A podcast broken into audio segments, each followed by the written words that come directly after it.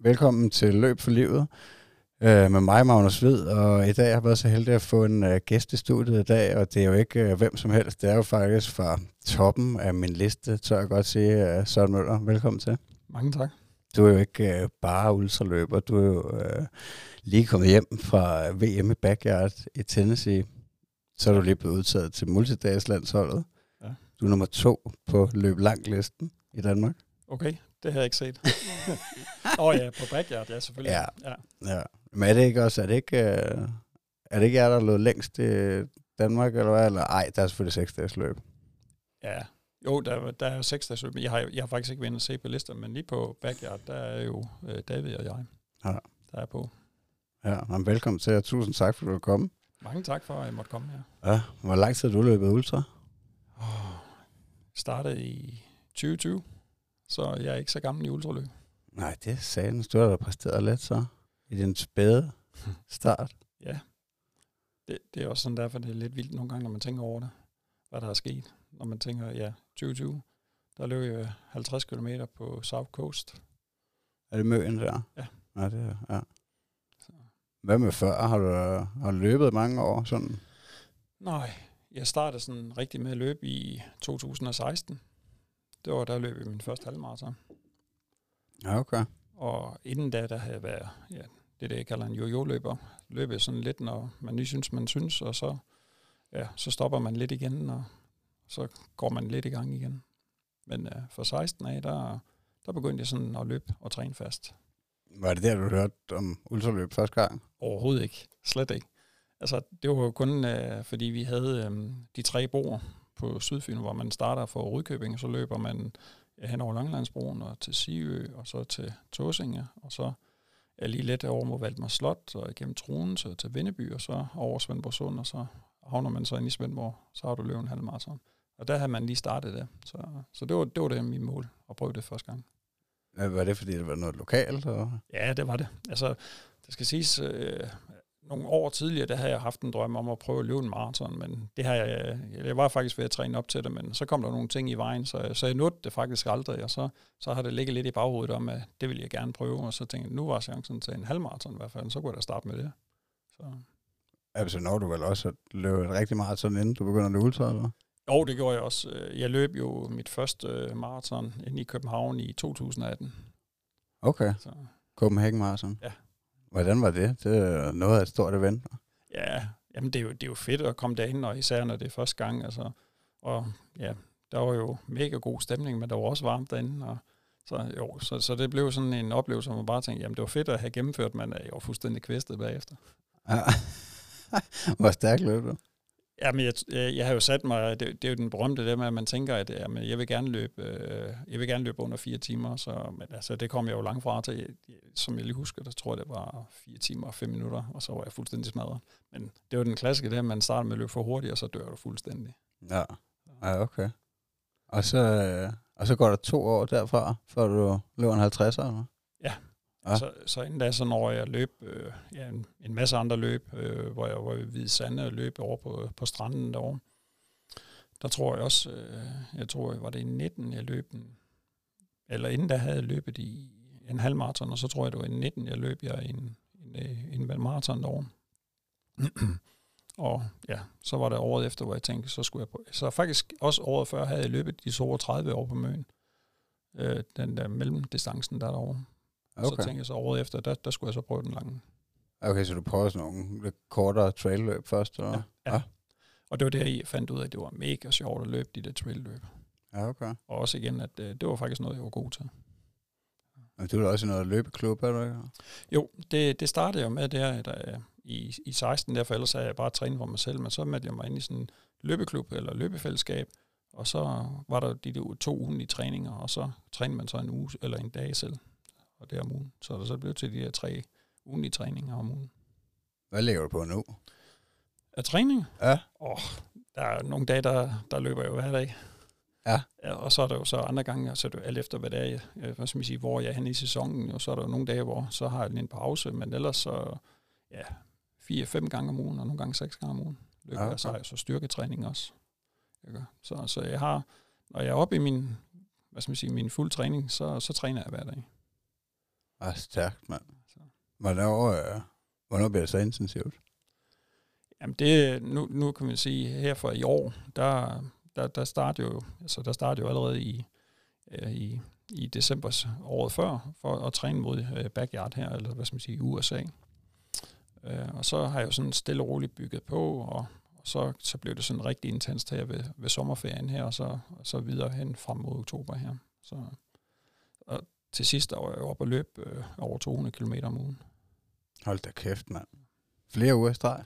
Nej, det, det var det ikke. Altså, der, det, det har været sådan gradvis op, fordi den sidste, der var jeg løb de der 200, der tror jeg faktisk, jeg var på 220, der, det var så fordelt på, var det fire løbdage, hvor jeg sådan ligesom løb uh, lidt over 50 km hver dag. Hold da kæft, mand. Har du fået uh, træner på og sådan noget? Uh, det har jeg ikke haft uh, hidtil, men det har jeg her fra 1. januar. Ja. Er det på grund af multidagslandsholdet?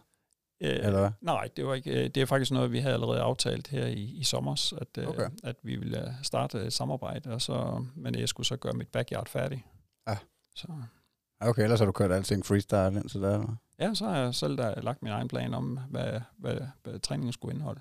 Ah, sindssygt. Hvordan, øh, du kvalificerer dig jo til det her VM i øh, USA. Ja. Hvordan, øh, hvordan kvalificerer du dig til det? Jamen, det var jo ved at, at komme på Teams øh, i, øh, i backyard-holdet der, og inden da, der var det jo, der løb jeg i Kronborg. Øh, og inden da, der var det jo faktisk, at jeg var op ved, ved Morten Klingberg og løb af hans øh, Winter Edition, hvor du løber maks 15 omgang. Og det var første gang, jeg stiftede bekendtskab med backyard.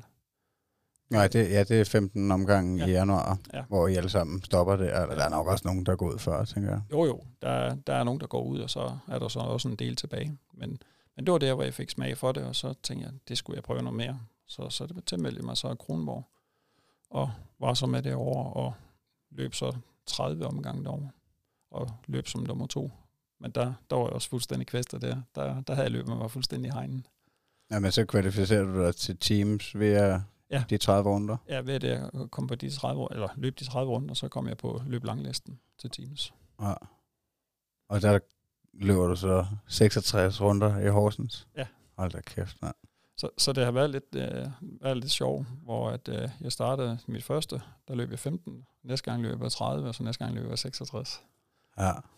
Ja, det er lige uh, dobbelt op hver gang, og så let til til sidst. Ja.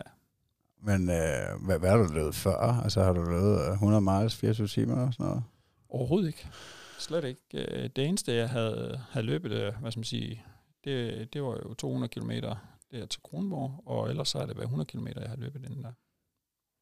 Hold da kæft, mand. Hvordan, øh, hvad er opskriften på, øh, på den succes?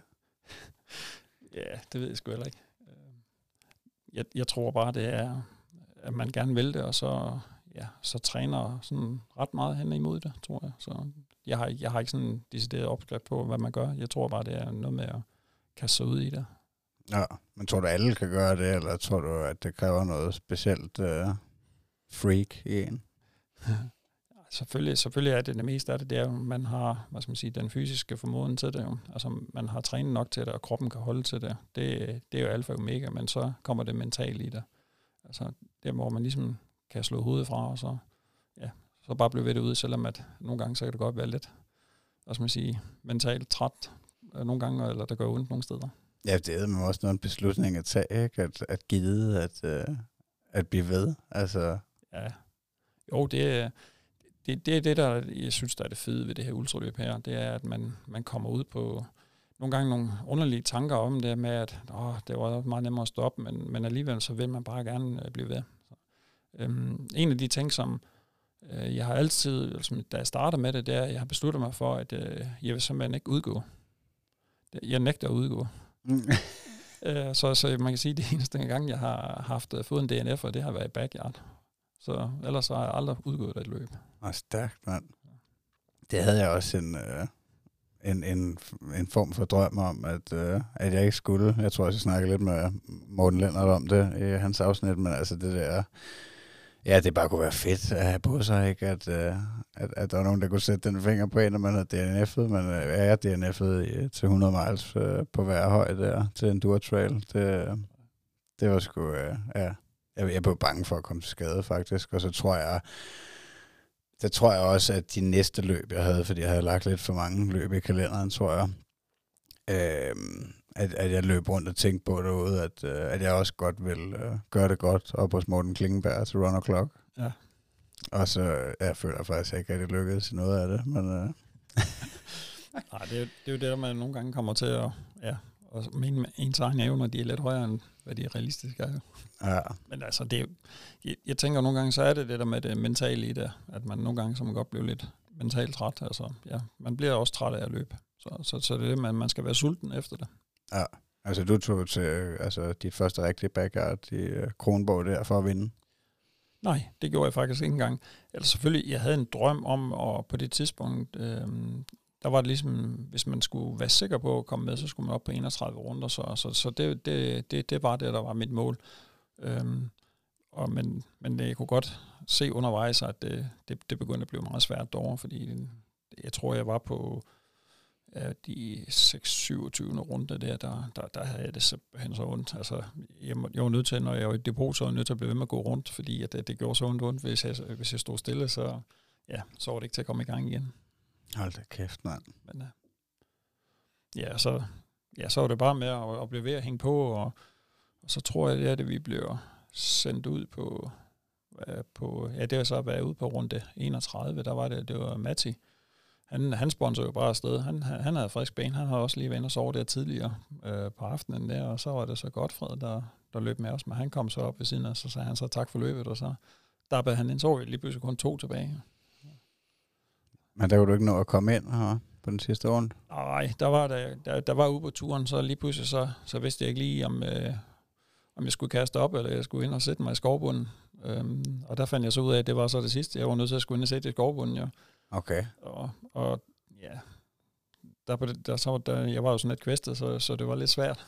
Og så der går du masser af tid med det, eller det synes man i hvert fald selv og så da jeg så var inden var færdig, så, ja, så, så kunne jeg slet ikke, jeg kunne slet ikke ligesom se, samle mig om, hvor jeg indtil var på hen på ruten. Og, Hold da kæft, man. Og så også, ja, jeg tænkte, jamen det hele det var spildt nu, jeg kunne ikke nå hjem og sådan nogle ting, så, så, det, så jeg, var, jeg, var, jeg, var nok, jeg var nok færdig på det tidspunkt, og så, ja, det var så en af de største fejl, det er så det med, at man har en telefon med, og så ringer jeg så hjem til Lenise og sagde, nu kan du godt komme og hente mig, jeg kan simpelthen ikke gå mere. Okay. Så, nå, jamen, hvor jeg var henne? Jamen, jeg var ude på ruten et eller andet sted. Jamen, det vidste hun jo ikke rigtigt, jeg var. Så det ved jeg heller ikke, så du må bare komme ud og finde mig. Men uh, så gik der ikke en stykke tid, så ringte hun så, jamen jeg kan jo ikke komme ind jo. Jamen, så må jeg have fat i Henrik, så må han komme og låse op og gøre et eller andet. I må komme ud, jeg, jeg kan jo gå, så jeg var, sådan, jeg, jeg var virkelig ynkelig. Jeg havde virkelig undret mig selv på det tidspunkt der. Ej, fuck, mand. Og så, ja, så kom Henrik, så, ja, så fik vi så fat i Henrik, så siger han, jamen, vi kan ikke komme ind med en bil. Du er, du er nødt til bare at gå, gå i retning mod os der, så henter vi dig på et tidspunkt også. Så, og så begyndte jeg så også at gå, og så, ja, så kom de jo så meget i møde, og så, ja, så kom vi jo hjem, og hvad skal man sige, til området, øh, der var det jo helt så ja, slut overstået og alle de ting jo.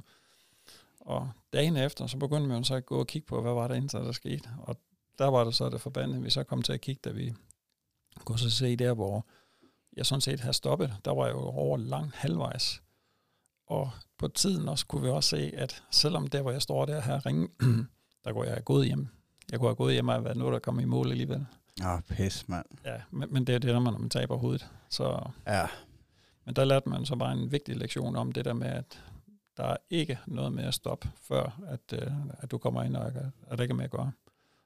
Nej, det er nok ikke... Uh ej, man skal nok ikke få for mange uh, mærkelige tanker derude på ruten. Altså. Nej, og det, der lærer vi i hvert fald bare om, at uh, ja, jeg kan i hvert fald ikke tage nogle uh, fornuftige beslutninger, så der har vi aftalt om, at der, er, der skal lige så være rimelig hård øh, for at sige, nej, der sker ikke noget der. Du, du, du kommer bare i mål selv.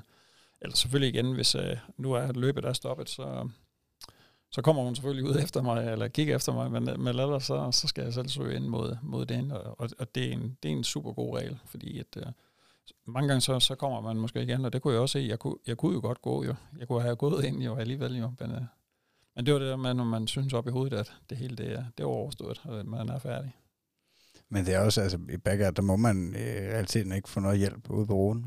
Nej, overhovedet ikke. Altså andet end øh, en klap, måske må folk godt, må man godt, må en supporter godt gå ud på ruten og stå og klappe? Og... Jo, det må de gerne, de må gerne klappe, altså, du må bare ikke få nogen ting af dem. Nej. Så, så det, det, det må de gerne. Men det er også derfor igen, jeg vidste jo godt det, jamen jeg var jo færdig, så, så var det lige meget. Ja, okay. Men uh, set bagefter, så, så var jeg jo ikke færdig, jo. Så kunne jeg godt have nået det. Ja. Ja, det, altså, og så finder du så ud af, hvad er det, er det et halvt år senere, eller hvad du, det der team, hvor du altså løber halvanden dag længere, eller sådan noget. Ja. Ja, det blev så lige ja, dobbelt så lang tid, så jo, så det, men, men, der, men der har jeg så også fået trænet meget mere styrketræning og sådan nogle ting. Så, så, så hjalp det meget mere på det, så, fordi der var jeg slet ikke presset på samme måde overhovedet. Hvad har du, en, øh, altså en dag om ugen, hvor du træner ben, eller jeg har som regel altid en dag, hvor jeg går i motionscenter og får, får trænet øh, forskellige øh, ja, muskelgrupper, der nu er løberelateret, øh, fordi efter at have løbet det i Kronborg, der, der, der kom jeg hjem, jeg var, jeg var sådan rimelig øm, så der havde jeg sådan en fysioterapeut indover, og hjælpe mig med forskellige øvelser, og så får jeg dem trænet, men så, eller så træner jeg dem hver gang, når jeg har været ude at løbe. Øh, som regel, så får jeg dem trænet op og står og laver de styrketræningsøvelser. Okay. Og så har jeg så den der ene dag, hvor jeg så går i motionscenter, for at få trænet noget mere igennem. Er det, altså, er, er det opskriften på at løbe øh, 66 runder til Teams? Ja, åbenbart, og så, skal så var det nok bare det hele, det faldt bare på plads for mig.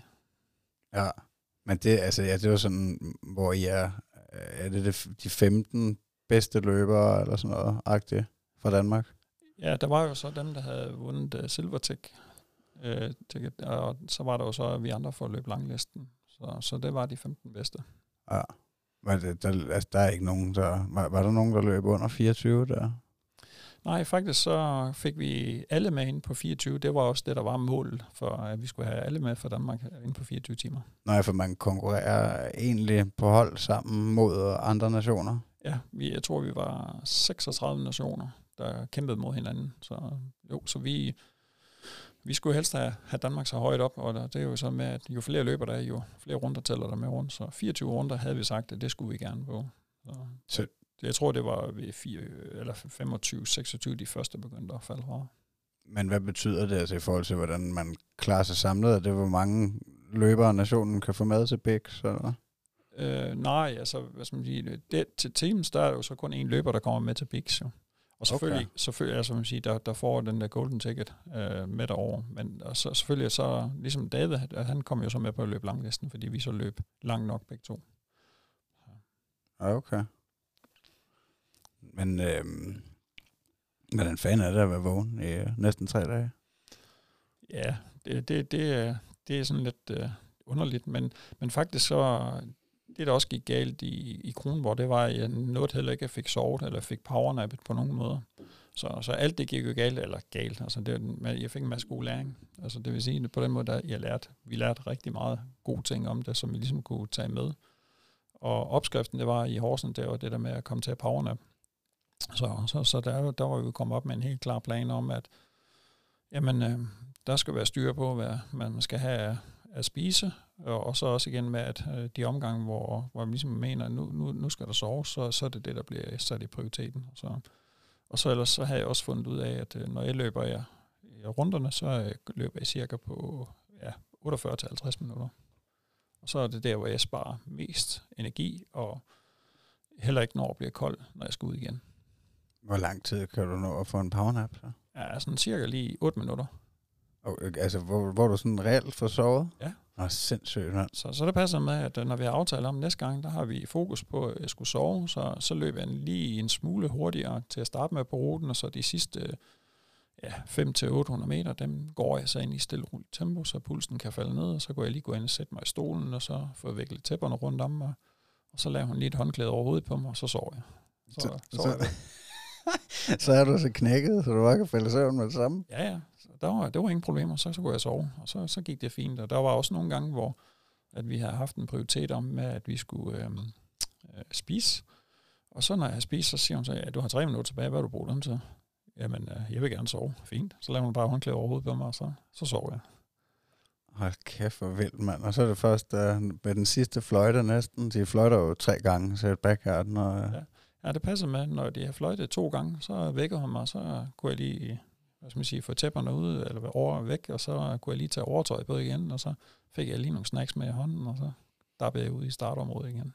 Man gør det, altså når du får, øh, altså jeg kan godt forestille mig, at de der 8 minutter, det lyder sgu også, altså det lyder meget fedt, men, øh, men selv sådan et, et minut der, altså får du fornyet energi og føler, at du måske kan ja, se eller tænke klarere, når du øh, lige har fået sådan en? Ja, absolut. Altså det var, det var en helt anderledes øh, oplevelse i forhold til, da jeg løb i ja, til Kronborg der, fordi der, jamen, det var de sygeste ting, jeg så. Altså, for det, der, der, der havde jeg jo været vågen der i de 48 timer, uden, uden nogen powernap eller nogen ting, da, da vi kom ud der på morgenen, så der, så, så, så der var det, der, der kunne jeg godt mærke, der var hjernen fuldstændig ristet.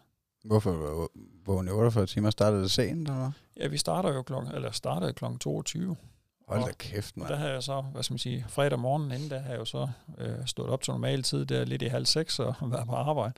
Og så da det vi var færdige, ja, så pakker vi bilen om eftermiddagen og kører så afsted mod Helsingør og kommer derover om aftenen, lige foran aftensmad og får gjort øh, lejren klar, og så gik man så ellers i gang med at løbe der kl. 22 fredag aften. Det er sgu da ikke særlig normalt at uh, starte kl. 22 for et backyard, er det det? Mm, nej, det, det var det så der. Uh, og jeg har jo ikke prøvet andet jo, så, så jeg, vidste ikke, jeg vidste ikke anderledes om det. Så, men, uh, men i hvert fald, det, det, det ødelagde i hvert fald nok min rytme, det med, fordi så, man når ikke at sove den første nat, for der er man helt op at køre jo. Og så kommer man jo ind på, uh, hvad skal man sige, på nat 2, og jamen, der, der, der kunne man godt mærke, at, at der var det hen. Og så samtidig med det, så satte vi bare ned i teltet, og der, havde, der trak man, eller ja, det her vi gjort vi ikke. Vi trækker altså ikke tilbage i vores eget telt, og det var så også det, vi fandt ud af, der er der bedre. Fordi faktisk, da vi var i Helsingør, der, der, der var jo så andre nede i teltet også, der var på et tidspunkt der sidst på, på aftenen, der, der var nogle, øh, nogle svensker med, der var også med, øh, han sad der knækkede sig ned, så det var simpelthen så hyggeligt, som jeg skulle sidde der og spise. Så skulle jeg bare høre, så sad han bare over og brækkede sig helt vildt. Så Fuldstændig vildt. Altså det mener du, det er en fejl at hoppe med, hvis man vil løbe rigtig langt, så skal man ikke være med på fælles faciliteterne, så skal man have sin egen base. Ja, lige nok. Du er nødt til at have din egen base, hvor du kan trække dig fuldstændig tilbage. Ja. Og så sæt, og, og, så du kan komme helt ned, fordi når du sidder inde i sådan en fælles telt der, så, så, så kan du ikke nå at slappe af, så begynder du at kigge efter alle mulige andre ting. Så. Ja, okay. Så, så det er alfa og omega, det er, at du ligesom får din egen lille base, og så kan du trække dig derind. Ja. Hvad med din øh, kæreste der, der agerer support? Er det også øh, altså et must, hvis du skal løbe rigtig langt? Ja, Jamen, det er det. det er, altså, vi, øh, vi er bare et øh, rigtig godt makkerpar. Altså, altså hun, øh, hun er bare sindssygt struktureret til at, at finde ud af det, og også lige kan, kan se på mig, hvis, øh, hvis der er et eller andet, der er ved at gå galt. Altså, så kan hun allerede læse ud af mig, og ligesom sige, hvad er det ikke ved at være tiden, du skal have et eller andet. Øh, men hvis der er et eller andet, ud over det, vi har aftalt på skemaet, så kan hun godt se det med det samme, at at nu, nu skal jeg måske lige have et eller andet til at, at kvikke op på og gøre et eller andet. Så. Okay. Har hun været med fra starten af? Eller? Ja, det har hun. Hun har altid fulgt mig med på de her løb her. Så, altså, hvor, der, hvor, der, hvor det er nødvendigt at have support på, for ellers mange af løbene, som tager jeg til selv. Ja, ja. Jamen, vi mødte hinanden til øh, Sydfyns så 107 km. Ja. Øh, dit, øh, det må næsten være din baghave, eller? Det er det også. Ja. Og der, altså, der kom du bare og og løb 12 timer eller noget, og så kørte det igen, ikke? Ja. Stille over det. Jamen, det var også, øh, det var også en, en træningsløb, eller ja, et træningsløb for mig. For mig faktisk, så havde jeg min anden løbemarker med, Michael øh, Emsen havde jeg også med. Så vi, vi, vi fulgte der i, i starten, der fulgte vi sig, men øh, han øh, blev lige ramt af varmen på det tidspunkt der, og udgik også. Ja, det var fandme også en hård dag. Der var nogen, der fik det skidt derude. Ja, det var der. Ja. Men øh, men altså, ja okay, det er meget sjovt. Du bare siger, at det er et træningsløb, og, og så kommer du bare under det hele og, og løber øh, som nummer et, og øh, også en del, øh, altså foran nummer to, tror jeg. Ja, jeg, jeg tror, som jeg lige husker, så løb jeg, var det på 12 timer og 22 minutter. Ja. Øh, og jeg tror, nummer to kom en time efter, eller sådan noget. Ja, på en forholdsvis... Øh, svær rute, kan jeg godt sige. Det synes jeg i hvert fald, det var nu. Jeg er heller ikke, nok ikke den store uh, teknikekspert derude. Men, uh. Og det, det et, uh, hvad skal man sige, Øhavsruten, som vi løb på, den er, den er ret svær, og så også især mange steder. Vi var jo så heldige dem, at alle de der spejder havde været der, dem vi mødte der på turen, ja. at de havde trampet, hvad skal man sige, de fleste af sporene øh, sådan rimelig flade, for ellers er nogle af stederne, så er der mange hestespor, at vi skal løbe i, altså de der små huller der, de er bare mega irriterende at træde ned i. Ja. Men, øh, men det, her er de jo heldigvis er trampet flade for os, og, og, og banet vejen for os, så, på det sidste del af ruten i hvert fald. Så det var, det var en fordel, men ellers jo, ruten er sådan rimelig hård. Der er alligevel lidt højdemeter. Jeg har ikke engang tjekket, hvor mange højdemeter der var på turen. Nej, jeg tænker ikke, at det var, altså, det er nok slet ikke øh, noget i forhold til, øh, til det, du lige har været over at løbe med, var det 170 ja. per omgang? Ja, 170 højdemeter per omgang. Ja, er det, altså, er, er det normalt i uh, backyard? Altså, det ved jeg godt, at det, han er jo selvfølgelig the founding father, ham du har været over at løbe hos, men uh, er, har det altid været på den rute, eller Øh, så vidt jeg ved, så, så er den rute, vi løb på det år, det, det er den oprindelige rute, han har lagt ud fra i hvert fald. Ja, okay. Men hvad med det, det der i Horsens til Teams? Det er rimelig flat, er det ikke? Eller? Jo, der tror jeg, hvad havde vi kun, var det 34 højdemeter på en omgang. Så, så det var jo ingenting, jo. Ej, det glæder jeg mig til at prøve ja. til, ja. til jamen, sommer. Det er, jamen, det er en mega god rute. Virkelig en god rute deroppe. Altså, det, det, det skulle du glæde dig til. Det er, at det, det er simpelthen så hyggeligt om. Ja. Jamen, det, jeg var heldig at, uh, at, at få billet der, fordi der er ikke så mange pladser, og det er jo sat mig også blevet populært. Ja, det er helt vildt jo, men, uh, men fedt. Ja. Hvad skal du, uh, skal, skal du løbe det til næste år? Uh, nej, jeg har ikke tilmeldt mig nogen uh, backyard til næste år overhovedet. Nej, det er selvfølgelig også klart nu, når du er kommet på landsholdet der, så er det det, der er i kiggerten, eller? Ja, så har vi lige de mål, der er sat der. Øhm, og selvfølgelig kommer der noget midt imellem, øh, som jeg så propper ind, som lidt øh, bliver som en social løb, for ikke at, bare skal løbe alle kilometerne alene. Men, øh, men ellers så, så er de der A-målsløb, de er sat for næste år allerede. Ja. Kan du løfte for, hvad det er? Ja, som, som du sagde, det så er det jo VM i Ungarn, 48 timer i slutningen maj-juni, at vi skal løbe. Ja. Og så det næste, det er det bliver nok også Teams i, øh, for Backyard i oktober. Ja, okay. Men det der øh, i Ungarn, er det noget, der ligner en atletikbane eller sådan noget? Ja, jeg tror det ikke. Ja, sådan som jeg lige har hørt, så, så er det vist øh, ude i, i et område, øh, hvor der bliver en rute. Det andet ved Baltonsøen. Så, men, men hvor det er hen, det, det, det er jeg faktisk ikke klar over. Nej, okay. Det, det ved vi ikke endnu, men det håber jeg, vi får at vide her senere. Jeg tror, vi skal have noget samling her i januar. Ja. Men, men det er der, altså, vi er enige om, det er noget med at, at løbe cirkler, ikke? Jo, jo, Også jo. en mindre cirkel end, ja. uh, end til backyard. Ja, jo, jeg ved ikke. Det er måske et par kilometer rundt, eller sådan noget. Det ved ja, okay. Så. Hvordan har du det med det? Altså? Jo, det var fint nok. Jeg prøvede jo op til 24 timer op i Sæby. Der var jeg oppe og prøve det her i år også. 24 timer første gang. Ja, okay. Og, og den er jo kun jeg lige knap den to kilometer, jo. Og du kommer ikke til at kede dig? Nej, det gjorde jeg sgu ikke. Nej. Så det var, det var, det var hyggeligt. Og der, men, men de var så søde deroppe. Der var jo folk ude på ruten hele tiden, hele døgnet, jo. Ja, okay. Så. Altså, der er rimelig meget action. Ja. Og så starter jo øh, både halv og hele maraton sådan på, hele, på forskellige tidspunkter af døgnet der også, og så der kommer hele tiden friske løber til. Ja. Nå, okay. Så. Altså, der er mange forskellige distancer i Sæby? Ja, det er der. Så, så det, jo, så der, der, er mange, der er mange mennesker hele tiden, selvfølgelig de fleste i dagtimerne, og så kommer der mange og kigger på tosserne, der render rundt, jo. Ja. ja, ja der, altså, det må man jo sige, at, uh, at det synes jeg i hvert fald, uh, altså jeg, jeg kender jo ikke uh, personligt, nu uh, kommer jeg nok til at kende flere ultraløbere, både i form af podcasten, men også i, altså, i det løb, jeg har været til og sådan noget, men sådan privat ellers fra før jeg begyndte at løbe, og så har jeg jo ikke nogen venner, der, altså folk, de, altså tror man er idiot jo, når, altså bare da jeg sagde, at jeg skulle løbe min første 100 km, ikke, altså, altså hvorfor, det, altså. Ja. Jamen det er lige nok det, det er et spørgsmål, altså hvorfor, hvorfor gør du det, hvorfor lader du ikke være? Ja, har du noget godt svar, når det er?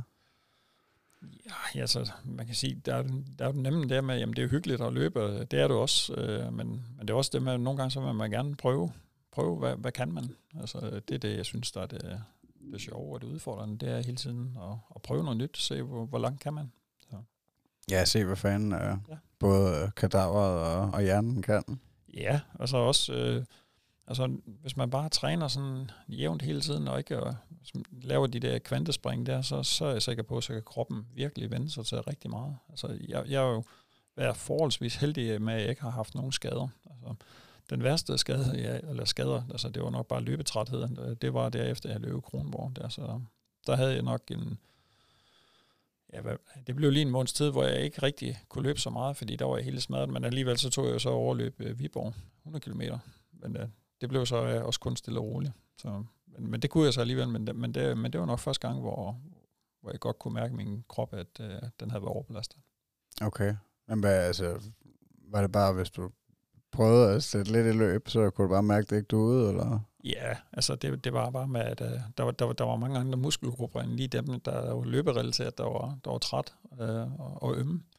Og, og det var derfor, at jeg havde ham fysen til at gå ind og få hjælpen med at få, få fokus på det der med, når man bliver træt, så begynder man at lave nogle utilsigtede bevægelser, og så begynder du at belaste nogle andre muskelgrupper. Og, og så er det det med, med at få styrket de rigtige muskler, altså til at du hele tiden laver de samme rigtige bevægelser. Så. Ja, okay. Hvis det giver mening. Ja, ja jamen det altså... Altså blandt andet en af tingene, det var det med, at jeg havde simpelthen så ondt i mine knæ. Altså det er jo ikke ind i knæene, men det var musklerne på siden af dem. Og, det var der, hvor han fortalte, at øh, jamen, det er fordi, at når man så enten har løbet over stup eller op ad terræn, så, så bukker man nogle gange knæene indad imod hinanden, altså, og det gør man så for at kompensere, fordi du begynder at blive træt. Og så, og så laver det her, og det, og det er det værste, du kan gøre, fordi så begynder du at bruge nogle andre muskelgrupper, som slet ikke er, er beregnet, eller hvad skal man sige, vant til at blive brugt. Men dem kan du så træne via styrketræning? Ja, dem træner du så ved at styrketræne, men så også igen, at du så får trænet de rigtige muskler, du normalt bruger, og får trænet dem noget mere op til at kan holde til det styrketræning. Fordi det er jo, ja, det er jo, det er jo ikke nogen hemmelighed. Der er jo ikke nogen løber, der gider at styrketræne. Ja. Altså, sådan har jeg jo også altid haft det før. Altså, det med styrketræning, puh, ja, nej, det, nå, jeg synes, jeg har gjort det godt i dag, men, men hvis, hvis du vil lidt, så, så er du altså nødt til at gøre det. Ja, ja men nok, altså, jeg kan også godt forestille mig specielt, hvis man skal altså, løbe i terræn og, og opad. Ja. Altså, jeg ved ikke, fordi jeg er jo... Altså, jeg har jo altid hadet at løbe, øh, indtil jeg sådan rigtig begyndt på det, og, og egentlig på et eller andet tidspunkt blev glad for det på et eller andet niveau, men ellers har jeg styrketrænet meget for at være glad for det, og, øhm, og så faktisk kommet væk fra det i forbindelse med at begynde at løbe. Øhm, og så begyndte jeg igen i, i starten af år, der begyndte jeg i, i fitness igen. Altså, men jeg ved sgu ikke, om jeg kunne mærke nogen forskel. Altså, jeg går nok heller ikke. Altså, det er jo mere sådan et, jeg ved ikke, hvad man skal kalde det, et, øh, altså et program, hvor jeg træner hele kroppen, øh, altså måske bryst og triceps den ene dag, og ryg og biceps den anden dag, og så ben en dag, ikke? Agtigt. Men jeg ja. ved ikke, altså de der styrkeøvelser, du laver, er det, er det noget specielt for fysen, eller er det altså maskinerne nede i centret og squat og sådan noget? Nej, øh, som regel så bruger jeg ikke maskinerne dernede, og, og det er nemlig, ja, det, det var så sådan en anden inden da, der havde jeg jo faktisk øh, været inde til sådan en løbeanalyse, hvor jeg havde været inde og få målt min krop, og der har der, de står også og siger, at du skal godt nok til at lade være med at og, hvad skal man sige, træne på to ben, fordi at, øh, jeg havde et, øh, en forskel på muskelmassen på mit ben, højre og venstre der på et kilo i muskelmasse. Ja. Og, og det var det, som jeg sagde, det er det med, at du har altid et stat, eller stærkt og et svagt ben. Og, og når du står og laver øvelserne, øh, ligesom du gør på en maskine, så, så kompenserer kroppen jo bare på, og så er det det stærke, der tager over, og så er det svage, som springer over. Så derfor igen, så når du sidder derop, så skal du kun træne med et ben. Altså, øh, så må du kun træne med et ben ad gangen. Okay. Fordi, og så er det så det svage ben, der sætter øh, på, hvor mange kilo du må have på. Hvis der er en øvelse, hvor du kan have 20 kilo på, på det svage ben, og, og du kan gøre det 10 gange, så gør du også kun det på det stærke ben. Sådan, så, så får du begge øh, benene op, sådan, så de øh, får hvad skal man sige, udlignet din muskelmasse, og så kommer du også til at, at løbe lige. hvad skal man sige, sådan rent kropsmæssigt. Men nogle gange, hvis du har det, det ene ben er stærkere end det andet, så, så vil du nok øh, på et tidspunkt begynde at løbe en lille smule skævt. Ja, okay, det er sgu meget godt råd. Altså, så det er, det, det er standardmaskinerne oppe i centret, som du bare så kører en ben på. Ja, men, men faktisk er der også øh, mange af tingene, så øh, prøver jeg, har jeg jo været og kigge på nettet med at finde nogle øvelser, hvor du kan stå i fri, hvor du ikke skal bruge maskinen. Øh, fordi det er faktisk der igen, fordi så træner du også din balancenerve. Altså, du, du, du træner mange flere ting, også øh, hvad skal man sige, din hjerne op i, ja, med at holde hvad skal man sige, balancen og sådan nogle ting. Øh, så, så, så det giver meget mere, end at bare sætte i maskinen og høvle på det på den måde. Ja, okay. Men altså derfor er det igen et rart at være i center, fordi jamen, der har du vægten af det, hvor du kan øge op og ned. Og sådan. Men, men mange gange så er det bare med at stå på gulvet op og, og lave øvelserne. Ja, okay. Så der kan det godt betale sig at, uh, at gå på YouTube og finde nogle... Uh, ja, det, det, det, har jeg i hvert fald, det har jeg haft succes med i hvert fald. Er det sådan noget som udstrækning og sådan noget? Er du god til det? Ja, det, det gør jeg også. Det, det er også kun for erfaring om, at der på et tidspunkt har jeg læst om, at, at der var en, der har, der har skrevet en artikel om, at, at det med udstrækning, det var ikke øh, hvad skal man sige, beviseligt om, at det hjælp. Øh, om, om du strak ud eller ikke strak ud, det, det var lige meget. Og så prøvede jeg at lade være, og det resulterer så i, at øh, jeg tror efter, var det 14 dage, 3 uger, så der havde jeg simpelthen så ondt i min, øh, min lænd, sådan så jeg måtte både til kiropraktor og alt muligt ting, og jeg kunne ikke løbe i 14 dage, fordi at, øh, at det er ligesom, man får ikke strukken ordentligt ud, så der, der lærte jeg om, at det er altid udstrækning. Okay. Så. Nu gør det konsekvent så hver dag, jo? Ja, så, så, så strækker jeg ud. Hver gang jeg har været ude og lave øh, løb, eller jeg har styrketræning, så strækker jeg ud. Og stærkt, mand. Og så, nu er Lene hun går meget op i yoga, og der, så nogle gange så prøver jeg at lave nogle af de der øvelser også, men altså, det er jo ligesom, jeg har en rustning på, og så jeg, jeg er stiv som et bræt, jo. Ja, okay, du har stadig svært ved at nå din tær. Ja, det kan jeg ikke. Okay. Okay, så det er light. Det er ikke, altså, det er ikke sådan, at du er gået all in på yoga? Nej, nej. Altså, og, og det, er jo, det er jo så nok det svage punkt. Altså, der, der har jeg sgu ikke disciplin nok endnu til at sige, at nu skal jeg holde ved og så gøre det, fordi det er jo det, er jo det der med at få det ind som en vane, og så blive ved med det, og så, så skal det nok blive godt. Mm. Fordi det der med at gøre det en to-tre gange, det, det er jo ikke det, der batter noget. Jo. Men er det ikke også noget med tiden? Eller? Altså jeg tænker, du har jo også et, uh, et fuldtidsjob, og du skal, jeg ved ikke, hvad skal du løbe af kilometer om ugen nu, når, når du er på det højeste? Så var du oppe på over 200, sagde du, men ja. hvad lever du på i snit? Ja, det, det, altså det, det er jo det der med, der, der, der er det forskellige. Altså man siger, når jeg har min laveperiode, ligesom det er nu her, altså, der, der ligger, ja, lige nu her, der er helt nede i, i perioden, for det, det har jeg ligesom, jeg skulle have en, jeg skulle have en pause nu efter det. Øh, nu har det været langt op her, så, så jeg er nede under øh, 50 nu her, men så nu her fra øh, december, så går jeg op igen, og så kommer jeg op og det løber med i stedet mellem 100 og 120 om ugen. Så, og det er der, hvor jeg ligesom har med grundtræningen. Ja. Og så kommer det så videre højere op af senere. Ja, går der hurtigt til 15 timer med det om ugen. Det gør det. Og så er der styrketræning oveni. Ja. ja. Altså det er altså svært at finde... Øh tid til at dyrke yoga fem gange om ugen også. Ja, men altså det er jo, det er jo nogle gange så er det det med, så kan man jo gøre det hjemme på stuegulvet om aftenen. Altså det er jo det, man skal huske med, at, at man behøver så ikke altid at skal køre efter tingene, og nogle gange så skal man også bare tænke lidt smartere. Altså du kan også lave din styrketræning, det kan du lave, mens du øh, står og kigger i kødgryderne, når de koger derhjemme, jo. så kan man godt lave nogle af øvelserne der, eller om aftenen, når man sidder op, og hvis man sidder og kigger fjernsyn, så, så kan man også godt lave nogle strækøvelser der. Ja. Men tror du, det der, hvis man bliver, altså hvis man bliver mere smidig og får kørt det der udstrækning ind, og eventuelt at, at, øh, at, at, at dyrke yoga for eksempel, altså, og bliver smidig, så man bliver en bedre ultraløber?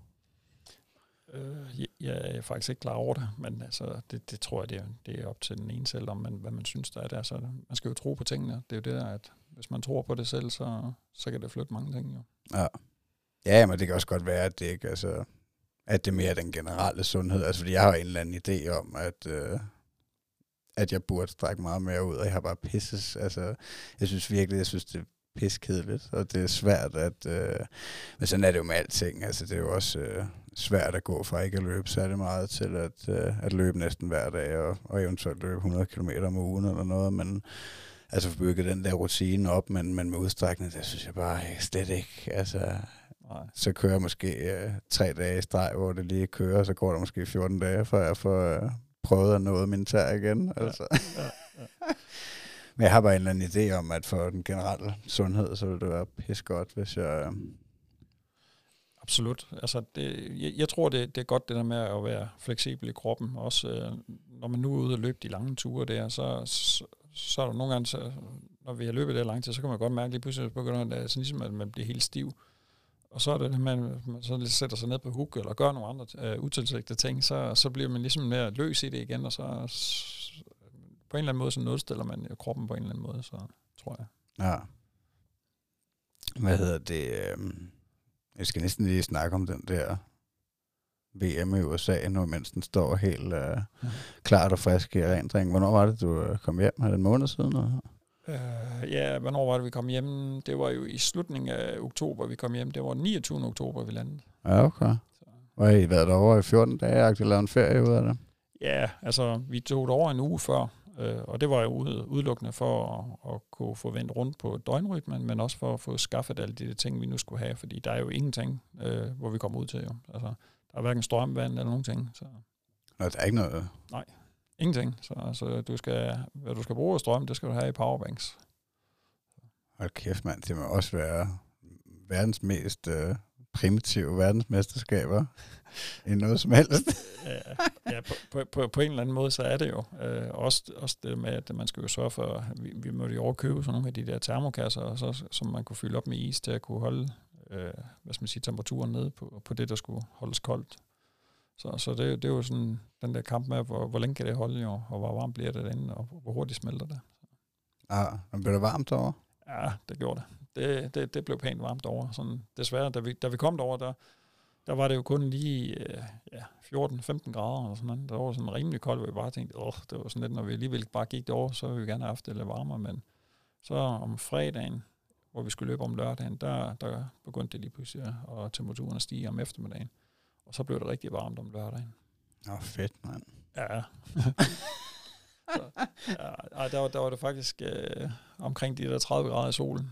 Hold da kæft, mand. Ja. Så og det, det må det være sandt om, at selvom at normalt har aldrig haft problemer med at løbe i varmen, men uh, det fik jeg sgu der. Ja, det var første gang, at du fik det skidt ja. i varmen? Ja, altså sådan virkelig skidt. Altså allerede om eftermiddagen, på et tidspunkt, vi løb, løbet ud, hvor jeg tænkte, det var underligt, jeg havde sådan en hovedpine, hvor jeg sådan tænkte, jamen det, det, det kunne være, det var, fordi jeg havde solbrillerne på, og dem havde jeg bare sat op i panden, så, så tænkte jeg, jamen det kunne være, det var dem, der trykkede på hovedet. Så, så tog jeg dem af og løb lidt videre, og det, det blev sgu ved, men altså, så slog det mig med, det var nok bare på grund af varmen, altså det med, ligesom om, at hjernen den kogte bare, fordi solen den bagte jo bare ned på os hele tiden. Så altså, det, var, det var virkelig, og der var ikke en vind, der så, så, så, så og, og der var det også der, hvor der havde mistet appetitten fuldstændig. For ellers er det jo gået rigtig godt om formiddagen, der gik det skide godt. Hvad startede I om morgenen, lørdag morgen? Ja, vi startede lørdag morgen kl. 7. Okay. Og, og der var det jo bare sådan set mega koldt. Der startede vi ud med jakker og, og handsker og alverdens ting på. Ja. Men uh, så steg temperaturen vildt hurtigt, og så, så var det bare varmt. Og så havde vi ellers håbet på, at uh, når vi nu var færdige med at løbe på dagsruten, der var jo 11 omgang på en dagsrute. Ja. Og så skulle vi på natruten, og så ville det jo blive mørkt, og så skulle temperaturen falde. Det plejer det jo normalt altid at gøre, men det gjorde det heller ikke der. Så, så der var cirka de der 4-25 grader. Folk de løb jo stadigvæk rundt i bare overkrop og over der. Så, så, så det var først, da klokken den blev fire, at uh, så faldt temperaturen, og så gik det stærkt. Det var for mærkeligt, mand. Ja, ja. Det, det, det, det, det var en underlig måde, men ja, altså, og da, da temperaturen faldt der ved firetiden der, så så det også der, jeg kunne begynde at spise lidt. Altså inden da, der havde jeg så også øh, forsøgt, øh, eller vi, Denise jeg havde snakket om med, at, øh, for jeg havde drukket sindssygt meget vand i løbet af dagen, altså virkelig, virkelig drukket meget vand, at øh, om jeg havde fyldt maven for meget med det, sådan så der ikke var plads til noget mad, så, så, så der, løbet af natten, ja, der havde jeg sådan en tre runder, hvor jeg ikke øh, drak noget overhovedet, det var jeg bare havde vand med til at skylle munden, og så spytte ud igen, for at øh, få tømt ud. Fordi nu når solen ikke lige bak, så, så kunne man bedre holde til det, ikke at få alt det væske. Og, og så hjalp det så også med, at da temperaturen faldt, så kunne jeg spise noget kartoffelmos og noget grød og lidt øh, grøntsager. Hvordan har I, altså, har I selv så for alt det mad, eller så er de for noget der? Overhovedet ikke. Ingenting. Vi ja, ingen forplejning? Nej. Der har vi det hele med selv også. Nå. Så, så det, det var det, vi havde brugt ugen der til at gå ud og finde, øh, hvad, hvad man kunne lave ud af, af varmt vand, og, og også med, ja, vi har jo så også været ude og finde et, sådan et uh, primussæt, at vi kunne, kunne varme noget på. Ja, okay. Er det, er det, er, er det, dit, øh, er, er det første løb, du løber i udlandet? Her? Ja. Ja, okay. Så der må man sige, der altså går ud fra, at de løb, du har prøvet herhjemme, der er depoterne så også, altså, eller forplejning i, i det hele taget noget bedre? Ja, det må siges. Så ja, okay. Det er helt anderledes. Så. Men det troede jeg ellers, altså nu ved jeg ikke, øh, altså jeg har jo set øh, den der hvad hedder det, fra Trailbear Films på, øh, på YouTube derovre fra, men der ser man ikke rigtig noget med, hvad fanden øh, hvad folk spiser og sådan noget. Så ligesom ellers, når jeg har set fra løb i USA, så har jeg indtryk af, at de ellers øh, er meget gode til at lave det på og sådan noget. Er, er det fordi, at det er det her VM, at folk måske også gerne vil sørge for deres egen, øh, at de er sikre på, at det ikke bliver forgiftet? Eller? Ja, jeg har, jeg har ingen idé om det. Altså, jeg, jeg tror bare, det er sådan, og sådan har det vist også været, det de andre danskere var der overløb.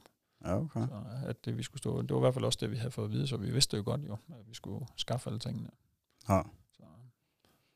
Så, så, så, så, så derfor var det, øh, at vi vil gerne over have, have styr på de der ting, så vi ligesom var så godt forberedt som overhovedet muligt. Ja. Men hvad, følte de, at de var godt forberedt, da jeg skulle starte? Altså? Ja, det, det synes jeg. Jeg synes, vi var rigtig godt forberedt. Vi havde alt var pakket i kasser og styr på det, sådan så at ligesom vidste det hele, og vi havde jo lavet lister og alt. Altså, der, det, vi, vi, vi synes, vi var rigtig godt forberedt på, på hvad som helst, der var der. Så. Men du får allerede udfordringer med at spise på første dagen. Ja. Man kommer så igennem natten, føler du så, du kommer, hvad skal man sige, på den anden side og kan spise igen? Og Ja, altså, at ude på morgenen, der får jeg så spist sådan, altså, ja, det der, som jeg sagde før, kartoffelmos og noget grød og sådan nogle grøntsager. Og tænker, at nu, øh, nu, nu fortsætter øh, altså, jeg så hvad skal man sige, med, at jeg kan indtage her, så skal jeg nok nå at gå, selvom jeg kunne godt mærke, at øh, kroppen var blevet brugt meget mere. Altså, jeg har, jeg har hævet nogle ressourcer, som var, jeg hævet alt for, for hurtigt frem i, for, i forhold til det med, jeg, hvor langt jeg gerne vil løbe. Men uh, så går vi igen, ja, klokken bliver ni eller sådan noget, så er solen der med det samme igen. Og så, så bliver det varmt, og så kan jeg godt mærke, puh, det bliver en hård dag på kontoret igen. ja, så starter det forfra, det der dårligt om. Ja, altså det gør det, altså med det samme, så, så ryger appetitten, altså virkelig, og så, øh, selvom jeg får jo isposer med, hun, øh, Lenisse laver sådan nogle poser, hvor hun kommer is og lidt vand i, og så, øh, som jeg lige kan have også til at kan køle den der væskeblære, som jeg har med i hånden der, og så også, øh, ja, til når vi var inde i, i, i teltet der, så jeg lige kunne få sådan noget køle og håndklæder på. Men altså, alligevel, man, man, man kommer til at stege ud på, på ruten, og så også fordi, at den var sådan lidt hård, teknisk hård. Ja, jeg, jeg kunne forstå, at, øh, at i hvert fald dagsordenen, det er jo så to forskellige øh, ruter. Løber man øh, 12 timer på hver, eller? Nej, øh, dagsruten, den løber man 11 timer på, og natruten 13 timer på. Okay, der, så der er 13 timer med mørkagtigt? Ja. Okay. Øh, og altså, ja, fordi det, det, det, der, hvor vi, hvad skal man sige, løber ud på den 12. runde, hvor vi så kommer på natruten, der, der bliver det mørkt, og det er jo, det er jo ligesom, at du slukker på en lyskontakt over, det, det går ret stærkt. Okay. Så til at starte med, vi bare tænke, at vi kunne da godt have noget at tage en runde mere, men altså, jo, det var man glad for, at man ikke gjorde, kom til i hvert fald. Ja. Altså kombinationen af, af de der 170 højdemeter med, med masser af svær teknik, og så at, øh, at ikke kunne få nok energi ind, det, Ja. øh, Ja, så, så, så er man i hvert fald udfordret, jeg var i hvert fald rimelig udfordret. Så, der, og så også, at når vi var så mange, altså på første dagen, der var vi jo som sagt de der 75 øh, løber, og, øh, og der er kun et spor derude. Det er jo ikke ligesom, når du løber hjemme i Danmark, hvor der er sådan ligesom en markvej, når det går godt, øh, men det var virkelig sådan en trailspor, så vi løber i sådan en lang slange efter hinanden, så hvis du ikke har fået dig positioneret rigtigt nok, så kan du risikere at hænge bag ved nogen, som, ja, som, som løber langsommere end dig, øh, og hvis du så har en plan om, du gerne vil ind og have de der 10 minutters pause der, eller få det fordelt på den måde, så, så, så kommer du til at hænge, og så, så kan du godt blive presset der også jo. Så det var også sådan lige i starten med, når, man, når vi løb ud på ruten der, så var der med at få løbet til, så man kom op og, og hænge nogenlunde i, i starten, så man ikke skulle overhælde de andre, for det, det, det, det var sådan rimelig svært at overhælde hinanden på ruten derude. Ja, det er fandme, det, det kan jeg godt forestille mig. Det må også være frustrerende, altså, fordi jeg har godt selv prøvet det på, altså jeg synes til, til Great Dane, der var øh, nogle steder også, altså ikke fordi, at det overhovedet var sindssygt teknisk eller noget, men det var mit første backyard, og der synes jeg, specielt øh, om natten der, at, at, at der var nogle steder, hvor det var svært, og så er der bare, der bare meget forskel på, hvornår folk de gerne vil gå eller løbe, altså hvor jeg, øh, jeg tror, at jeg løber... Øh, Altså, jeg, jeg vil godt løbe det hele kontinuerligt, men et, et meget lavt pace, ikke? hvor der er mange andre, der løber hurtigere, og så godt kan de gå Ja. mere. Ikke? Og jeg blev sindssygt irriteret der også. Altså på nogle af dem også... Øh, altså der er så også, det skal siges, at der er nogen, det hedder sig jo, sådan som jeg forstår det i regelsættet, at hvis man går, eller i det hele taget er langsommere end nogen andre, så skal man holde sig højere, ikke? Ja. så vidt muligt. Ja. Det er altså ikke alle, der respekterer det Nej. der.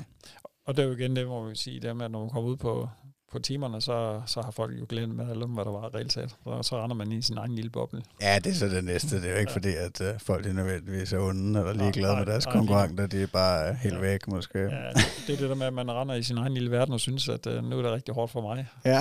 Så tænker man lige over, at der er nogen bag ved en. så, så, så det er jo altid det, man skal huske på, det med, at der er jo ikke nogen, der gør det for at genere en. Jo. Men, men, men det er bare det med, at man kommer til at ligge bag ved en. Det, ja, så, så, så er man udfordret på en eller anden måde. Men omvendt igen, så skal man også passe på at ikke komme til at ligge øh, for langt foran, fordi der var nogen, der løb nogle rigtig hurtige omgange. Altså, jeg var rigtig hurtig, altså jeg tror, at de kom ind med 15 minutter i overskud. Så, så, så dem skulle man helst ikke lige op, fordi så skulle de udenom jo. Så, Ah, så, det, så det er det med, at man lige finder ud af, og det lærer man sådan ret hurtigt, hvem man passer ind i, i, i farten med. ah. Fik du snakket lidt med nogle af dine øh, kollegaer fra de andre lande, så? Ja, ikke, ikke på dagsruten. Der, det, det, det gjorde jeg faktisk ikke, fordi igen det med, at, at der var så teknisk svært, så man skulle kigge ned hele tiden. Så, så der, der, der, der er det ret øh, svært at føre en samtale, og så samtidig med, så øh, man skulle også nå at have den der ja, meter til halvanden afstand, for at du kan nå at se, hvor skulle du sætte fødderne hen.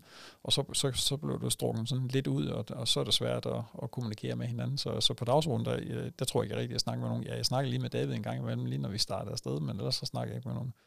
Så på natruten, der løb vi jo så bare på asfalt. Og der havde jeg så en japaner, som, som vi passede med. Vi sådan krydsede lidt, altså med, hvor jeg løb, og så øh, løb han, og så gik jeg lidt, og så, så vi krydsede hinanden sådan lidt. Så vi nu sådan lige at kommunikere, selvom der var heller ikke en, der sagde så meget. Og så havde jeg også en fra var der Vietnam, han, ham, ham snakkede jeg også med et par gange der, hvor det sådan lige det passe med i, i tempoet vi med hinanden der. Så, så det var meget hyggeligt. Ej, det er sgu meget sjovt. Der, altså, det er jo, hvor mange forskellige nationaliteter er der, der kommer der. Jamen, jeg tror, vi var jo... Vi har nok været de der 35 forskellige nationaliteter, vi var derovre.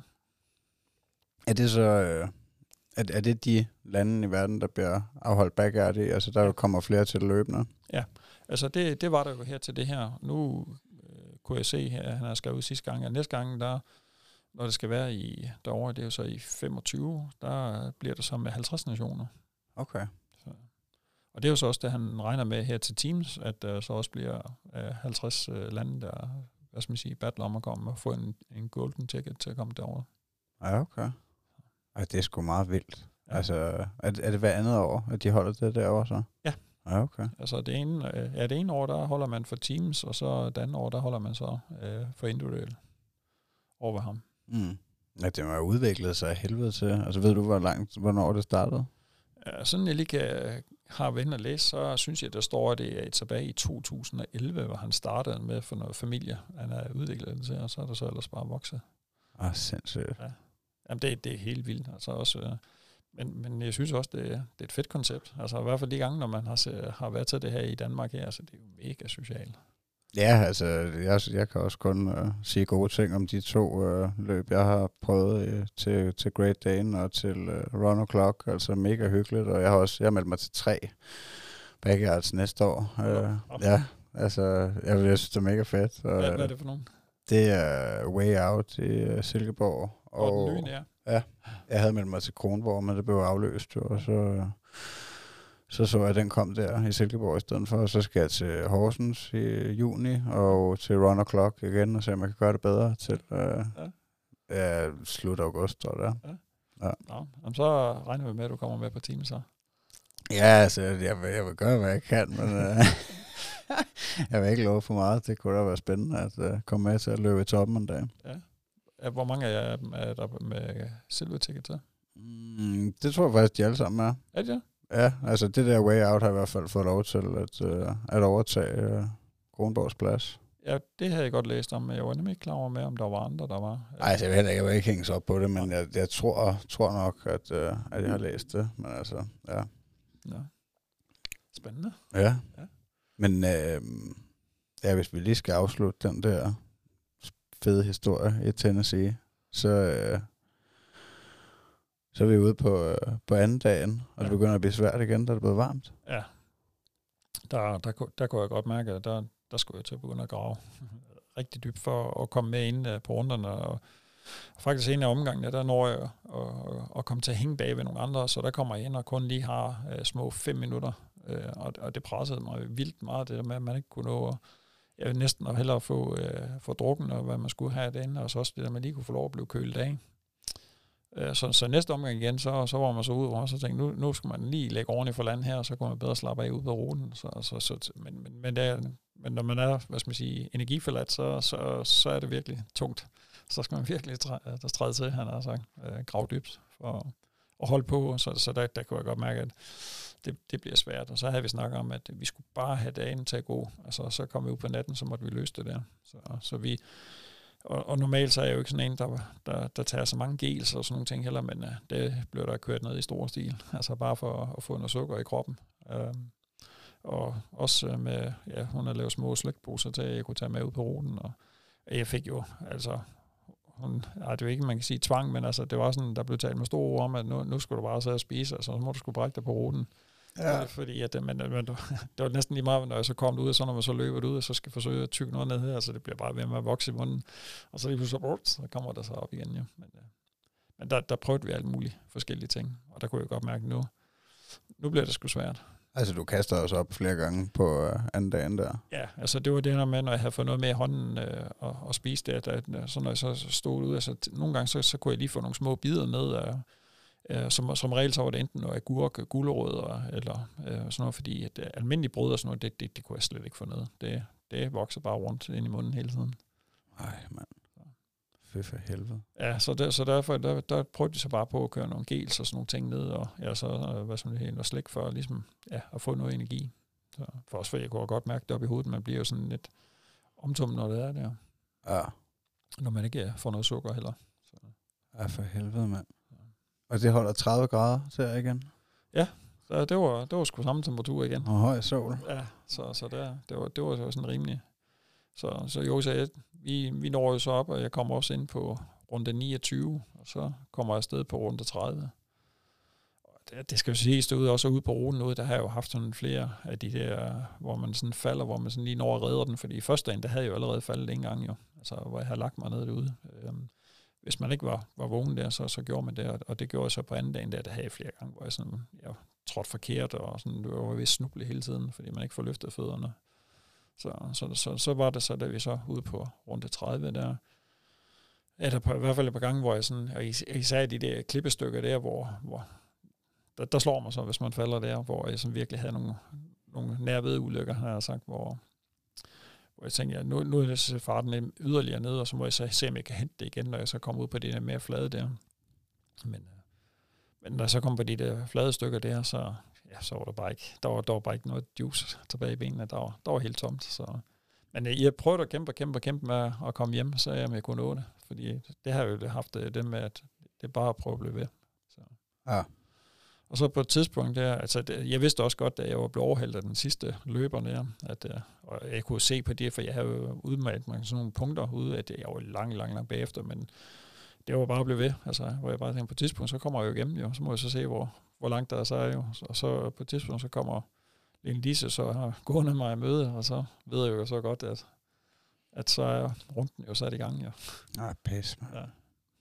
Men det var aftalen med dig selv, at, uh, at du skulle ikke vende rundt? Altså. Ja, det, det, det er det. det. Det har jeg hele tiden sagt, der med, at jeg skal dø på ruten. Altså, ja. Simpelthen, ja, der, der, var, der var ikke andre muligheder. Altså, det er bare at prøve at blive ved. Altså, lige pludselig kan det være, der sker et eller andet, jo. Det ved man ikke, jo. Nej, nej. Altså, nej, for det er jo også det spændende i ultraløb, ikke? At, uh, at altså, man kan ja, føle, at man er altså, fuldstændig færdig og have den kæmpe krise, og så uh, altså, kan der gå lidt, og så, så kan man næsten gå på vandet. Så, så, så, jo, så det er den der med at bare gå ud på ruten, og så kæmpe, hvad man kan med, og så, så må man se, hvor langt det rækker. Ja. Altså 29, uh, 30 runder blev det til? Ja. ja. 29 gennemførte, og den 30. den kom så ikke til at tælle. Nej. Så, men øh, jeg kom der rundt på den også jo. Ja. Bare igen for tiden. Ja. Var du skuffet her?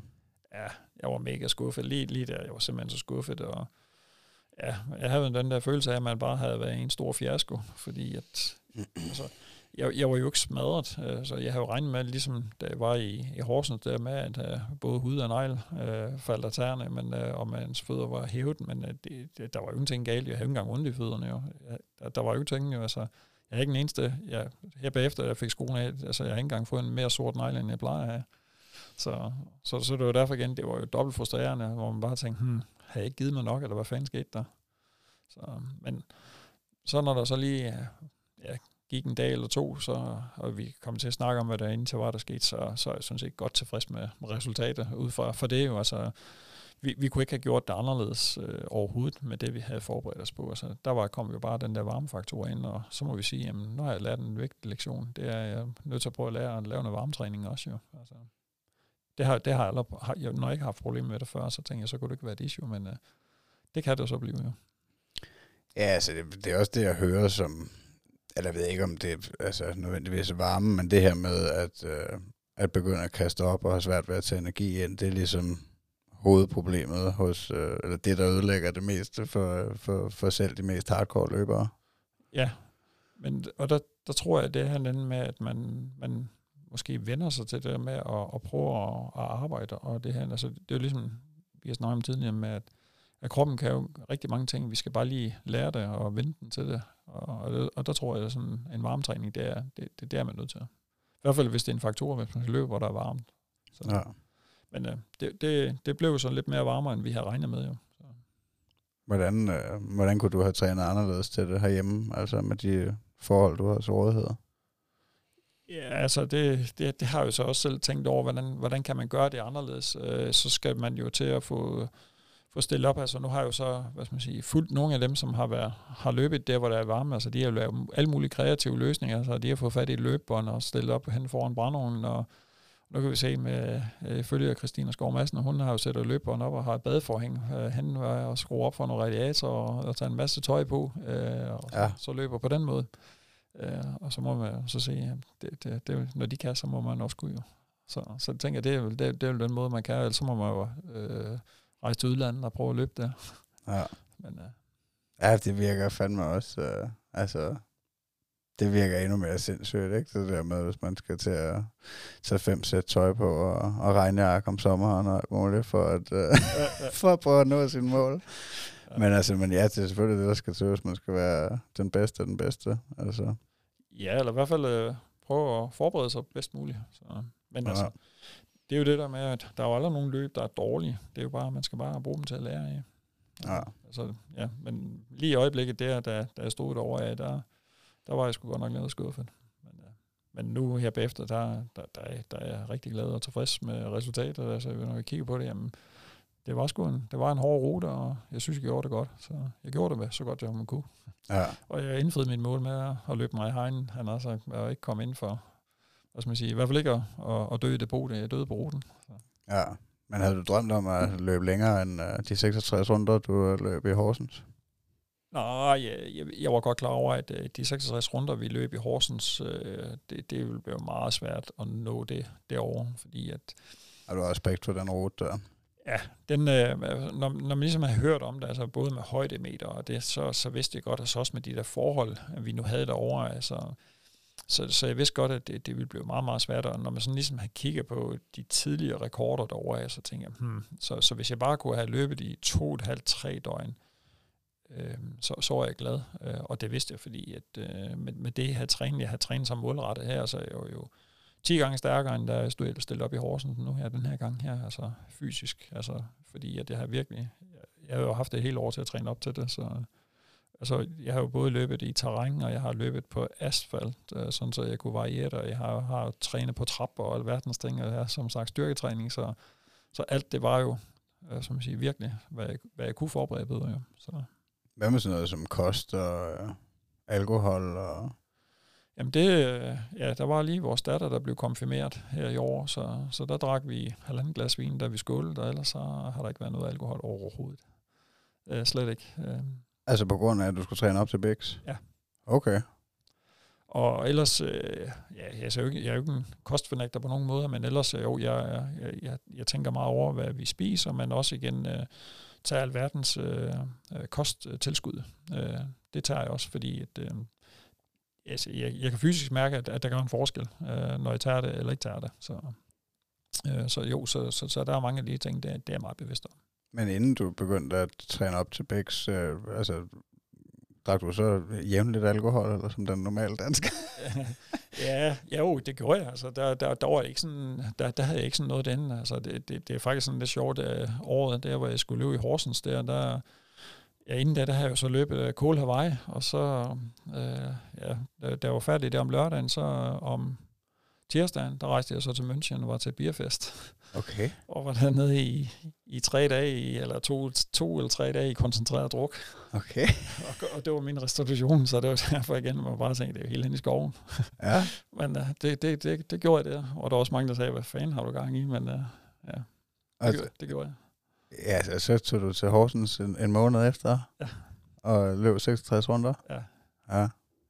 Så, så, så det, det kunne være, at det var det, jeg skulle have gjort den her gang også. Det ved man ikke, men... Uh, Ja, men, men, men du siger også, at du følte, at du var meget stærkere nu til ja. Bix, altså, så du kan mærke forskellen i, at du har levet i celibat, skulle jeg til at sige. Jo, men det er også, ja, hvad skal man sige, når man, altså, jeg har fundet ud af det med alkohol, det er altså, det, det gør jo en hel masse socialt, når man sidder der, men altså, så, så, så, så derhjemme der har vi vedtaget om, at uh, hvis vi drikker alkohol, så er det fordi, at, uh, at, at der er noget socialt i det. Altså, altså det, det skal man også huske uh, på, men, men det der med at sidde og drikke en øl eller et glas rødvin om aftenen, det, det gør vi ikke, fordi det smadrer simpelthen nattesøvnen.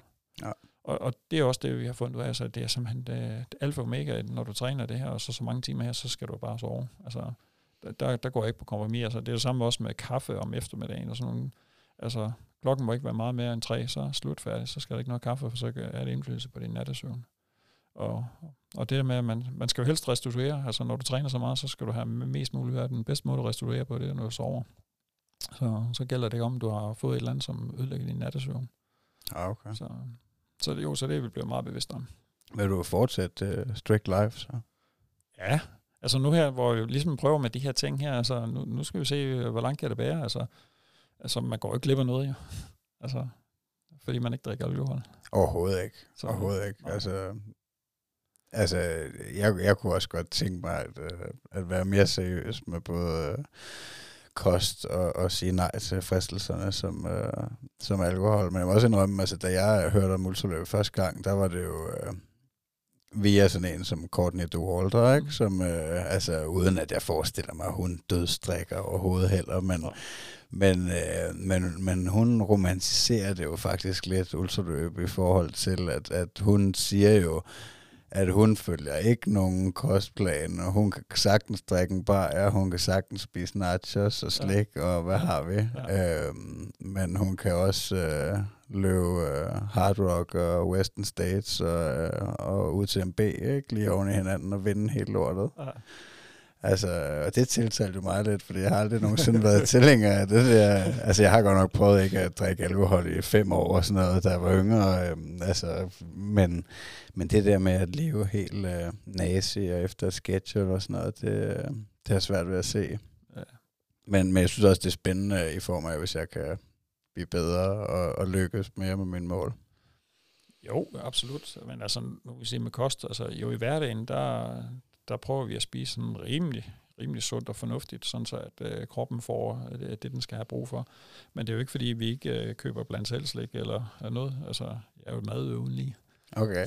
så det er også derfor igen, jeg er jo nødt til at løbe i hvert fald, så ryger det på kilo på med det samme. Jo. Altså. Ja. Men, øh, ja, men det, det bliver ikke problemet, at, øh, at øh, hvad hedder det, at det ikke kunne smide det. Nej, altså det er igen, det, det skal nok hoppe af igen jo. Så, men, øh, men, men derfor igen, det, men, men man skal bare sørge for at fylde det rigtigt på, på tanken, når man træner så mange timer der. Så. Ja. Så du, altså, drøm, drømmer du om at komme derover igen til VM i Tennessee? Øh, det er ikke lige et must at komme derover igen. Øh, nu, nu har jeg prøvet øh, og, og set, hvad det var. Øh, det, det er ikke sådan, at jeg bare tænker, wow, her skal jeg tilbage til. Øh, der har jeg nok, øh, jeg har nok mange andre spændende ting, jeg også gerne vil, vil prøve. Så. Ja. Så, så, så det, det er nogle andre mål, jeg ligesom prøver. Altså nu, nu blandt andet det med 48 timer, det synes jeg, det er vildt spændende at se, hvad kan det give. Eller også med 24 timer. Så. Ja. Det er jo egentlig hængende derovre, der, øh, og så nogle af de andre øh, psykopater løbe rundt i, øh, i fire og en halv dag. Nej, det var lidt sjovt, da, da, da nu kom ind i teltet der, og så, så lige, så nu kan du bare lige sætte dig ned der og lige slappe lidt af. Så, nå, så satte jeg det her under mig selv, og så, så siger hun, ja, ja, vi har faktisk kun lige en time, så skal vi være væk herfra. Og det var så fordi, vi havde jo sådan, sådan en lille pavillon, som vi så delte sammen med en amerikaner. Vi var jo to i sådan en lille telt, jo. Nej, det er en pavillon, de har stillet op, eller Ja, det okay. var en pavillon, de har stillet op, og så, så det delte man så. Så, så har han så sagt an, at uh, når man udgik derfra, så skulle have man en time til, så skulle man forsvinde derfra. Eller i hvert fald være ude af det der uh, telt. Nå. Uh, man må jo selvfølgelig gerne være, for der er jo et, et, et fællesområde dernede, der må man gerne være, men altså, uh, når man ikke rigtig har noget sted at, at, at sætte og gøre det, så, og så, så ja, så var jeg bare træt, så vi, vi ville bare gerne tilbage til hotel, eller til et hotel, vi skulle så ind og have fundet et hotel, jo. Fordi det var jo så ikke lige planen om, at vi skulle have været på hotel, jo. Men, uh, Nej. Så, så vi, vi valgte så at, at, at køre tilbage til, til byen, og så fandt os et værelse, vi så kunne øh, logge ind på. Og så dagen efter, der snakkede vi om, med, om vi skulle tage det ud, eller ikke skulle tage det ud, så ah, det vidste vi ikke rigtig lige, hvordan det var med det. Og så, det var, det var, sådan, det var nok også ovenpå det her med skuffelsen, der, det var med, at at kaste uh, salt i såret ja. på en eller anden måde. Så nej, så, så vi valgte faktisk ikke at tage det ud i det med, og, og det var det, altså, jeg fulgte det så bare inde på, på nettet i stedet for. Ja. Så, og så havde vi sådan ligesom tænkte, hvad pokker gør vi? Øh, vi har jo regnet med, at vi skulle have været derude, og så kun lige haft et par dage til, inden vi skulle så flyve hjem jo. Men øh, så blev vi enige om, at når vi var herovre, så kunne vi lige så godt få noget ud af det. Så, så vi valgte så at søge mod Chicago i stedet for. Så der, der kørte vi så op til i stedet for, så for at se noget i stedet. Så. Ah. Ej, det kan jeg godt forestille mig, at, øh, at det var meget fedt at få lidt på afstand der. Men jeg havde nemlig en eller anden idé om, uh, det tror jeg også var fra, uh, fra den der Trailbear-film på, uh, på YouTube, at, uh, at der er nogen, der bliver hængende lidt, og hvad skal man sige, støtter hinanden og i, i fællesskabet der, ikke? Jo. Men, men David, han var også gået ud. Aktiv. Jo, han gik ud, øh, jeg ved ikke, hvad jeg tror det var 34 runder, han løb. Ja, okay. Så gik han ud. Øhm, jo, og der var nogen, men, men der var jo USA, de var jo 10 mand, Australien var 10 mand, og Belgien var jo 10 mand, og øh, var det Japan, var de en 5-6, og så, så der var jo masser ja. øh, hvad skal man sige, af folk ude til at hæppe på dem. Øh, så. Ja, okay. Men altså, jo, man, man kunne selvfølgelig sagtens være ude, men ja, vi, vi valgte bare ligesom at sige, at nu, nu er vi kommet herover, så vi vil gerne ud og se noget andet også. Så nu, nu har vi været så lang tid nede i sydstaten dernede, så ja. vi vil gerne lidt nordpå. Er der nogle andre øh, løb, du kan drømme om at løbe i Amerika? De har jo nogle store events. Ja, jeg har, jeg har faktisk ikke haft kigget på så meget på, på løb i USA. Okay. Der, der er, jeg har mange andre løb her, altså nogle af de der bjergløb her nede i Europa, det har jeg aldrig prøvet før. Det, det tænker jeg, det kunne være meget sjovt at prøve det også. Og kunne du godt tænke dig at løbe ud til MB der? Ja, det, ja. det, det, det, det, det tror jeg godt, det, det kunne være spændende. Ja. Hyggeligt. Og så også igen, det er en fed natur dernede.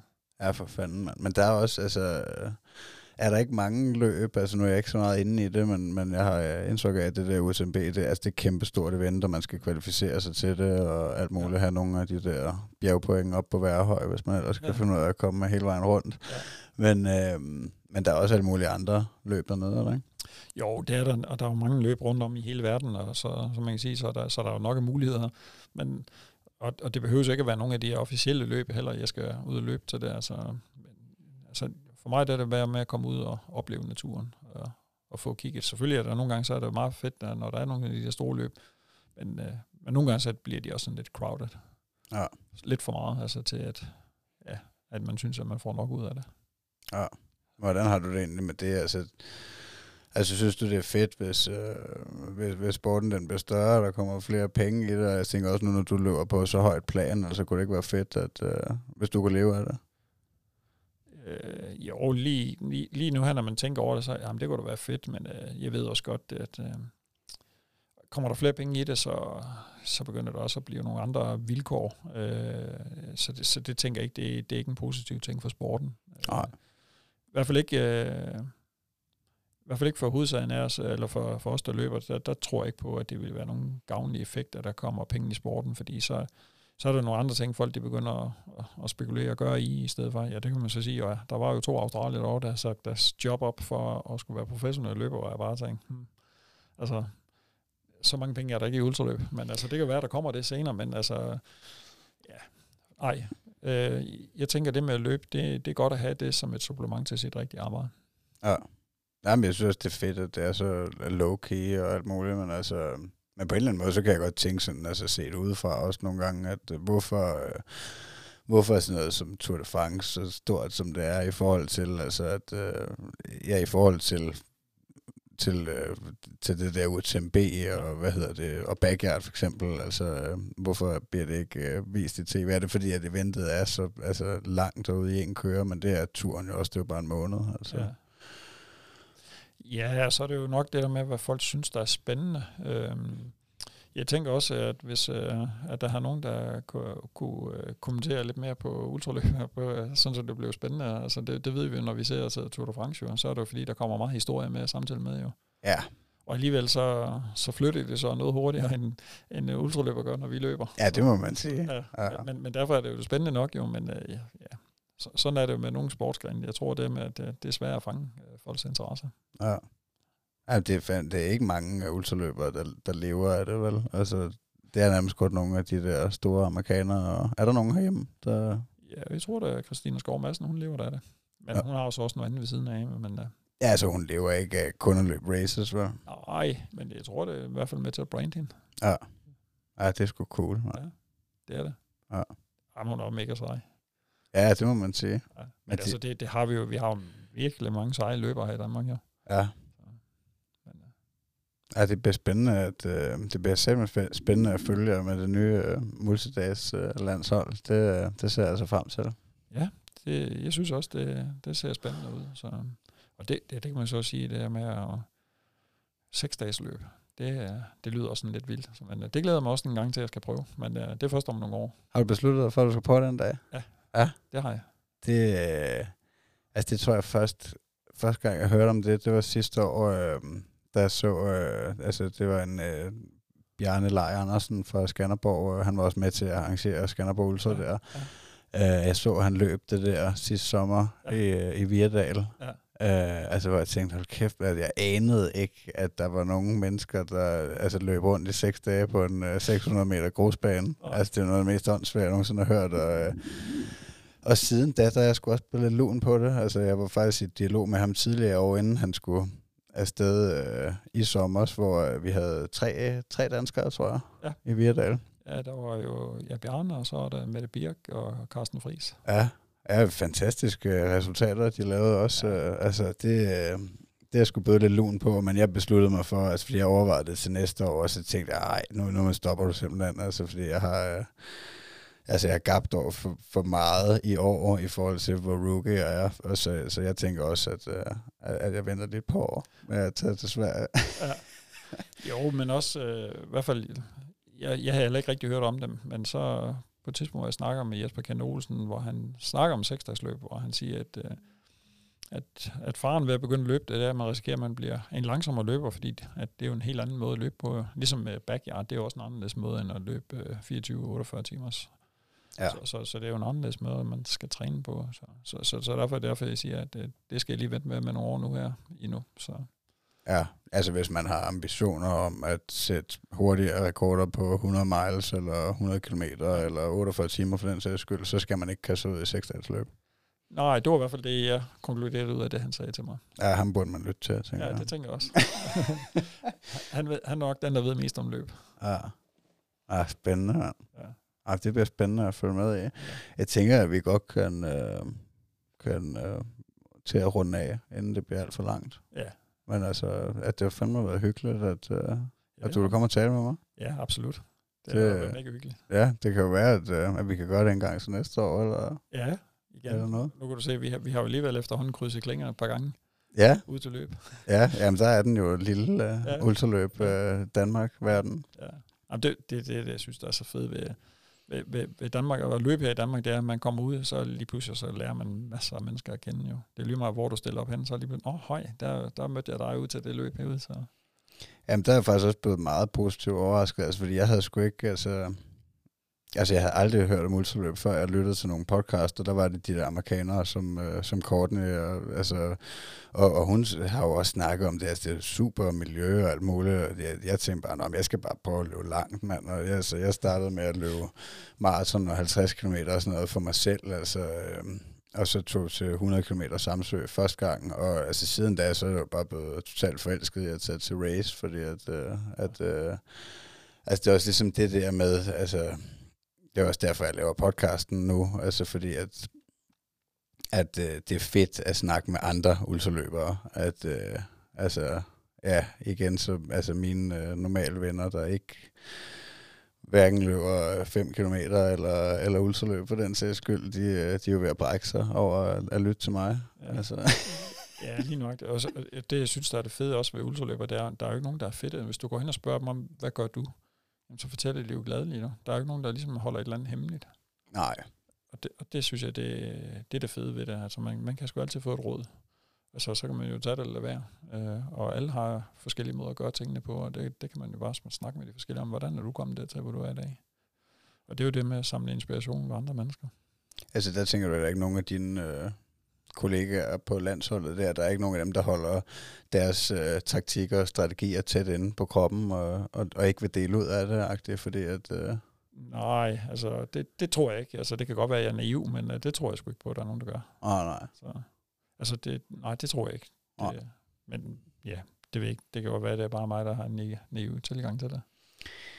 Nej, men jeg ved sgu heller ikke. Altså, jeg tror ikke også det der, når man er ude på de lange distancer, at det alligevel vil være forskelligt. Altså, man, man vil jo aldrig kunne planlægge sig ud af alt på forhånd, kan man det? Altså. Nej, Overhovedet ikke. Altså, det er jo igen der, som, som det, den klassiske der med, at man siger, det hedder jo 80-20, altså 80 mental og 20% kroppen. Ja. Øh, og, og, og, og selvfølgelig er der jo mange ting, hvad, hvad kan du gøre, men i bund og grund, så er det jo dig selv jo. Altså, men selvfølgelig kan du få nogle værktøjer til at håndtere nogle af de der ting jo. Men i dig selv så, eller i, i bund og grund, så er det dig selv, du skal lære at håndtere.